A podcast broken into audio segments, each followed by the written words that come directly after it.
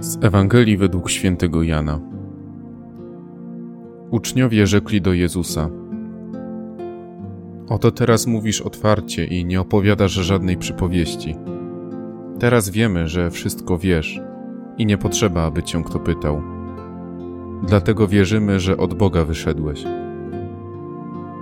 Odpowiedział im Jezus: Teraz wierzycie? Oto nadchodzi godzina, a nawet już nadeszła że się rozproszycie, każdy w swoją stronę, a mnie zostawicie samego. Ale ja nie jestem sam, bo Ojciec jest ze mną. To wam powiedziałem, abyście pokój we mnie mieli. Na świecie doznacie ucisku, ale odwagi. Ja zwyciężyłem świat.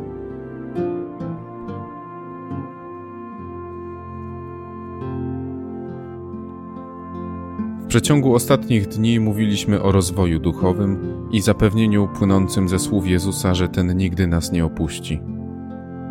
Dziś pochylimy się nad Bożym miłosierdziem. W Ewangelii uczniowie zapewniają swojego mistrza, że prawdziwie poznali Jego. Z tej euforii Chrystus ich wybija, ogłaszając im rychłe zwątpienie i rozproszenie się u nich wskutek lęku. Tą sytuację można przenieść na nasze doświadczenia. Najczęściej po odbyciu sakramentu spowiedzi możemy być pełni entuzjazmu i przepełnieni Bożą miłością, z którą spotkaliśmy się u kratek konfesjonału. Jednak niestety zdarza się, że nie minie wiele czasu i to uczucie nam powszednieje, lub po prostu o nim zapominamy, co w konsekwencji prowadzi nas do upadku. Bóg nie jest kimś, kto pragnie naszej niedoli. Nie chce, abyśmy byli z Nim niepogodzeni, i na tym właśnie polega Jego miłosierdzie. On chce, abyśmy byli blisko Niego i trwali we wspólnej przyjaźni. Dlatego właśnie pomaga nam powstawać. Wielu ludzi może postawić pytanie, jak to jest, że Bóg jest jednocześnie sprawiedliwy i miłosierny? Przecież to się wyklucza. Odpowiedź nie jest aż tak skomplikowana.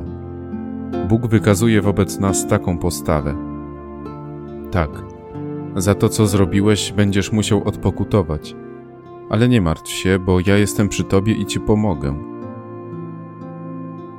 Panie Jezu, dziękuję Ci, że jesteś ze mną mimo moich niedoskonałości i upadków.